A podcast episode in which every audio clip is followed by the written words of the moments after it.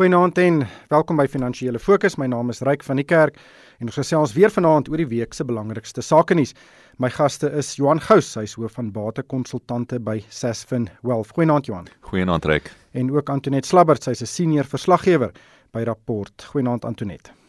Naand uh, Ryk, naand Johan.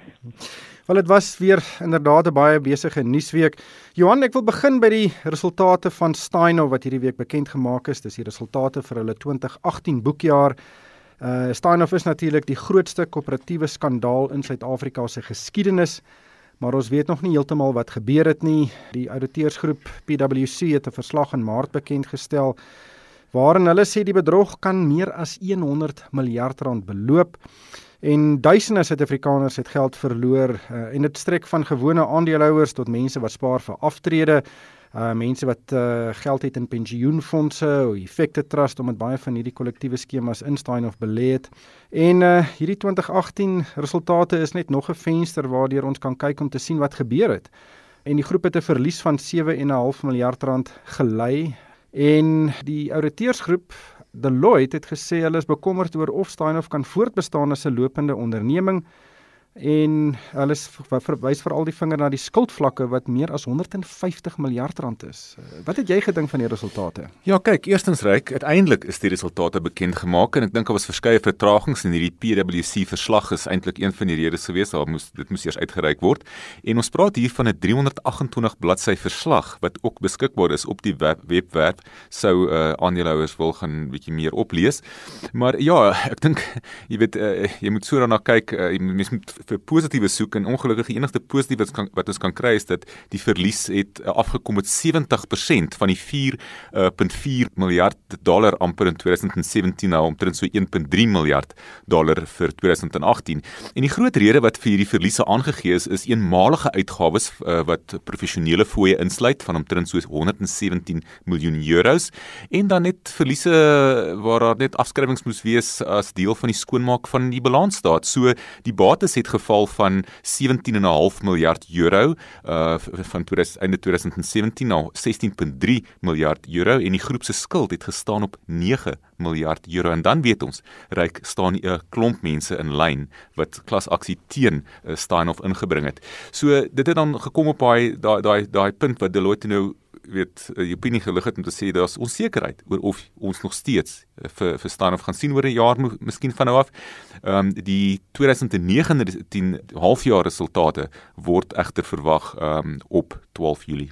Antoinette, ek dink baie mense kyk na die resultate. Wat is jou indrukke? Ryk, ek vra myself af, hoe kan 'n belegger voorkom dat hy jy weet, hoe kan jy die gevaar lig te sien vo, uh, voor dit nou by so 'n punt kom.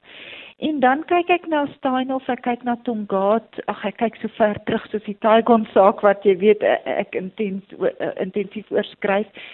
En ek sien in in baie gevalle gaan dit oor waardasies van eiendom, van handelsmerke. Daai tipe van jy weet nie tasbare goed nie. Ehm um, ek wonder of dit uh, uh, beleggers sal help om te kyk waar 'n maatskappy se se state of se finansiële syfers baie staat maak op hierdie tipe van waardasies. En dan mens vra jouself ook af, wat is die rol van die professionele mense? Ons praat nou baie oor die ouditeurs, maar as ander professionele mense soos waardeerders ook. Uh, jy, jy weet dit is darem net verstommend dat hierdie tipe van kom ons noem dit dan nou waarskynlik bedrog en kan plaasvind op hierdie skaal. Ja, en ek dink die prokureurs en die rekenmeesters is die mense wat glimlag. Daar's reeds bykans 2 miljard rand betaal vir die ondersoeke na wat presies daar gebeur het. Uh en natuurlik uh, is dit eintlik aandeelhouers wat wat dit indirek betaal. Maar Johan, die finansiële jaar het begin op 1 Oktober 2017 en Marcus Jooste het bedank op 4 Desember 2017. So hy het vir 2 maande en 4 dae gewerk en hy is daarvoor 2 miljoen rand betaal. Ek weet nie wat die vraag hier eers is nie. Dit is net eintlik vir my eintlik ongelooflik. Ek dink is net nog een van soveel vrae oor oor hoe goed gedoen is en hoe besluite geneem is en en, en wie kon so iets net toelaat met met ander mense se geld. Ja, hopelik uh, leer ons die lesse hier en en uh, hopelik gebeur dit nie weer nie. Antoinette, kom ons gesels oor die staatsrede. Dit was die president se tweede staatsrede vir die jaar. En vir my het uitgestaan hy sê nog heeltemal te veel ons wil goed doen, ons moet goed doen, ons gaan goed doen. En ons moet die gesprek kry sodat hy kan sê ons het goed gedoen. Ja, ek dink net uh, jy weet ons het ons het so baie daarvan al soveel keer van tevore gehoor en daar gebeur net die goed gebeur net nie. Ek luister byvoorbeeld na wat hy sê oor infrastruktuur. Ehm um, en hy verwys spesifiek na na waterinfrastruktuur, paaie en studente akkommodasie. Nou, byvoorbeeld baie van die konstruksiemaatskappye het al 'n paar jaar gelede spesiale waterafdelings begin en kundigheid ingekry want hulle sien hier's 'n geweldige geleentheid rondom water en dit dit uh, identifiseer hulle omdat ons waterinfrastruktuur so vervalle is. So dan moet bestee word daaraan. Maar dit gebeur nie die meeste van meeste van hulle daai afdelings weer toegemaak. Wat baie betref, het Sanral se padbouprogram omtrent tot stilstand gekom enerzijds weens 'n uh, verskil wat hulle gehad het met tesorie oor die uh aan weet die die tenderproses en anderzijds oor die konstruksiemafia wat uh persele net tot stilstand bring. Nou jy weet om dan net te sê ons het 100 miljard rand saadgeld in 'n fonds, dis goed dat dit gedoen word, maar daar's soveel meer wat gedoen moet word. Hmm. Ek weet Hy wil hy wil ook 'n nuwe stad bou. Ja, kom ons kyk maar wat gebeur. Johan, ons is uh, 'n baie interessante onlangse geskiedenis gehad en die woord beleidsonsekerheid is uh, omtrent in elke sin genoem. Uh deur baie kommentators, ons het die verkiesing gehad, ons het toe die kabinetsaankondiging gehad, ons het uh nou hierdie staatsrede gesien. Daar's nie meer eintlik baie geleenthede oor om van hierdie beleidsonsekerheid van ontslae te raak nie of om vir ons 'n boodskap te gee dat uh, die president sê ek is in beheer. Dinge gaan nou verander. Ek gaan nou ongewilde veranderings aanbring. So in daai konteks, ja. wat dink jy moet mense wegneem van hierdie staatsrede? Uh, Ryk, jy weet, dit is presies die punt. Daar is net soveel geleenthede en en en ons het daar so 'n honger op hierdie stadium na daardie sekerheid, plaaslik, maar ook uit die buiteland. So ek sou sê, jy weet, hierdie het my bietjie laat dink aan 'n droom, uh, ek het 'n droom tipe van toespraak. En en is wonderlik om 'n droom te hê en is en daarmee skep jy hoop. Maar jy weet, ek dink in die konteks van waar ons onsself nou bevind, ons het werklike groot probleme waarmee ons nou moet deel. En die ding wat ek verwag het uit hierdie toespraak sal baie meer duidelikheid wees oor hoe ons hierdie ekonomie nou aan die gang gaan kry. Nie oor 5 jaar of oor 10 jaar nie, maar baie baie vinnig. En ek dink dit is wat die mense op die oor die oor die algemeen gevoel het. So ek dink die tema van 'n droom was mooi, maar in die konteks is dit nie wat mense nou op hierdie stadium wil hoor nie. So jy weet ek ek dink ehm um, en die mense kan dit verstaan want want uh, jy weet uh, soos uh, dit, dit is sodat daar sal baie van hierdie goed is al aangeraak en oor en oor uh, oor gepraat. En ek dink wat 'n mens hier uit moet vat op hierdie stadium is dan net ten minste kom ons erken hierdie is al die kwessies op hierdie stadium wat op die tafel sit. Ons sit met die Eskom, ons sit met 'n uh, uh, groeiende skuld, uh, ons sit met 'n ekonomie wat nie aan die gang kom nie, ons sit met 'n geweldige werkloosheid en spesifiek onder die jeug wat ander probleme kan veroorsaak. So ons moet miskien net op hierdie stadium sê, ehm um, jy weet Hierdie is net 'n uh, weer eens 'n uh, wekroep dat ons iets moet begin doen en ek hoop net nou reik dat hier werklike spesifieke planne uit gaan kom na hierdie toespraak. Ja, Antoinette, een van die aankondigings wat hy gedoen het wat nuut was is dat uh, die regering meer geld gaan gooi na Eskom. Daar is 230 miljard rand se ondersteuning vir Eskom bewillig uh, in tydens die begroting. Dit sou oor 'n tydperk van 10 jaar aan hulle uitbetaal word. Maar hy het gesê die grootste gedeelte daarvan gaan nou vroeër aan Eskom uitbetaal word. Wat beteken dit? Uh, Ryk sy sy uitspraak oor Eskom dink ek was eintlik 'n bietjie teleurstellend. Ek verstaan daar was 'n gedetailleerde voorleggings gemaak aan hom of aan die regering in die aanloop tot die staatsrede en dit het spesifiek gegaan oor die ontbondeling en dan ook 'n finansiële model uh, vir bykomende hulp boonbehalwe dit wat nou reeds vroeër aangekondig is die 230 miljard oor 10 jaar. En dit lyk asof daai voorstelle alles geblokkeer is of die of hy dit nie kon deurhak by die uh, by die kabinet nie. Nou eh, as ons kyk na die 230 miljard, wat gaan hy nou moet gee? Dit klink asof hy ten minste omtrent 69 miljard nou sal moet gee. Dit sluit nou daai 23 wat reeds geoormerk was vir hierdie jaar sluit dit in. So met ander woorde, hy hy moet 3 keer soveel as wat in Februarie begroot is vir hierdie jaar reeds hierdie jaar vir Eskom gee. En dan die ander bekommernis is toe minister Mboweni in die in die begrotingsrede gepraat het oor hierdie toekenning aan Eskom. Jy weet, het hy gedink hy gaan 23 miljard hier teen Augustus vir Eskom gee.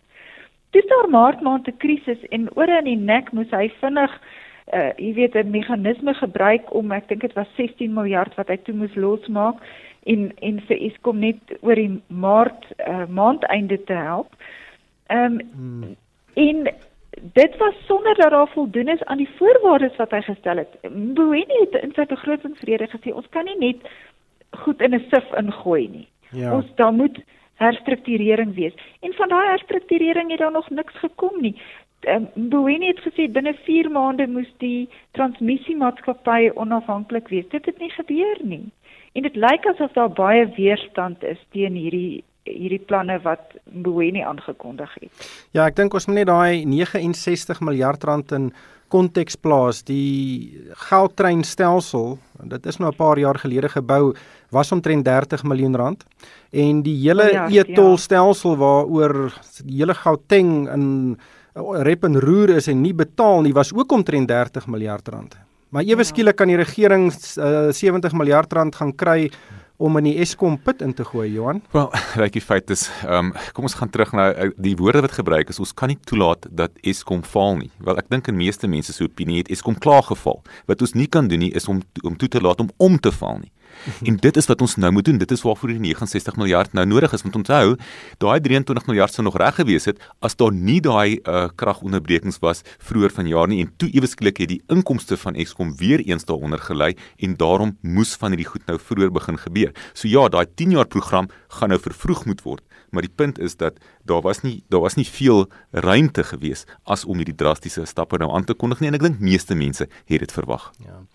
Maar Johan, ek bly sommer by jou. Uh kom ons praat oor iets meer positief. Uh en dit is die markte. Ja. Ons mark het hierdie week 'n goeie week gehad en die rand het verstewig en dit spruit alles uit uh Amerikaanse ontwikkelings. Ja, kyk hierdie week het die Federale Reservebank uh nie hulle rentekoerse verander nie, maar hulle hulle het 'n duidelike sein gestuur dat hulle bereid is om rentekoerse afwaarts aan te pas sou die ekonomie in Amerika enigstens wys dat daar 'n verlangsaming besig is om plaas te vind en van die mense verwag dit. Ek dink al was baie van die van die mark deelnemers verwag nou selfs 'n verhoging moontlik in Julie deur die Federale Reservebank, maar verder het die ehm um, die Bank van Engeland, die Europese Unie, China het het gepraat van stimulus tipe van maatreëls en dat rentekoerse ook langer uh, sal bly uh, vir, vir nou en en en en en, en dan uh, natuurlik het dit 'n groot positiewe impak gehad op opkomende marktebates want ewe skielik was mense weer bereid om bietjie meer risiko te neem en dit was baie positief spesifiek vir ons effekte mark byvoorbeeld en dan ook vir geld eenhede in die algemeen. So ek sou nie noodwendig sê dat uh, die versterking wat ons die laaste week gesien het noodwendig soveel te doen het wat in die begrotings uh, of die of die staatsrede aangekondig is nie, maar meer te doen met 'n algemene beter sentiment in wêreldmarkte. So as gevolg daarvan het die Amerikaanse markte hierdie week weer 'n nuwe rekordhoogtepunt bereik. En Johan die goudprys, uh, ons het hierdie week 'n nuwe 5 jaar hoogtepunt bereik en hoekom styg die prys so? Ja, wel gewoonlik is styg die prys wanneer daar redelike onsekerheid in die mark dit eh, in die markte is en ek dink ons ons het ons het was duidelik baie onsekerhede op die oomblik in die markte. Ehm um, maar jy weet op 'n einde van die dag eh, as 'n mens nou gaan kyk na goud dan weer vir vir van die beleggers daar buite, mense net besef dat jy weet jou jou, jou goud is uh is so afhanklik, die opbrengste is so afhanklik van wat die goudprys self doen. En ehm um, as 'n mens gaan kyk na goud as daai beleggingsgeleentheid, ehm um, weet moet dit nie noodwendig 'n fundamentele deel van jou portefeulje wees nie maar uh, op hierdie stadium dink ek sal baie van die beleggers in goud baie dankbaar wees dat ons vir die eerste keer in 'n lang tyd weer hierdie vlakke sien. Hmm. Antoinette in die rand het ook lekker verstewig, uh, maar weer eens buitelandse redes en nie plaaslike redes nie. Ja, ek dink eh, baie mense kyk na Twitter om te weet in watter rigting die ehm um, geldeenhede sal gaan die spanning tussen Amerika en China en ook die dinge wat die Amerikaanse presidente om mee besig hou, het dikwels 'n uit, uitwerking ook op ons wisselkoers. Ons sien uh die uitwerking van hierdie goed uh, in die oliepryse en ons sien dit by die petrolpompe. So dit is nie altyd nie dit wat hier plaaslik gebeur wat die wisselkoers beïnvloed nie. Ja Johan en dan is daar nog 'n naam Iran ja. wat ook 'n bietjie van 'n 'n pizza en 'n tuimeldroër is. Ja, en en ek dit so soos bietjie uh, ons dit ons mens moet sien hoe gaan Amerika en spesifiek meneer Trump reageer op die onlangse verwikkelinge ehm uh, met daai hommeltuig wat toe nou afgeskiet is deur Iran, maar die een uh, uh gevolg as gevolg daarvan was net die feit dat ehm um, olie die oliepryse het redelik opgegaan en jy weet ons het gesien olie die oliepryse het onder 60 dollar gedaal en dit is natuurlik baie goed potensieel vir ons brandstofpryse in die toekoms en dan ook vir inflasie en dan saam met 'n moontlike verlaging deur die Federale Reservebank is dit dan sodat die ehm um, monetêre beleidskomitee van die Staf, van die Suid-Afrikaanse Reservebank uh kon ons dalk kyk na 'n rentekoersverlaging. Dis nog steeds moontlik, maar ons mense wil nie eintlik nou hierdie oliepryse moet opgaan nie. Verseker nie. Maar ongelukkig het die tyd ons ingehaal. Baie dankie aan Johan Gous, hy is hoof van batekonsultante by Sasfin Wealth en ook Antoinette Slabbert, sy's 'n senior verslaggewer by Rapport. En vir myself Ryk van die Kerk, dankie vir die saamluister en ek hoop almal 'n winsgewende week.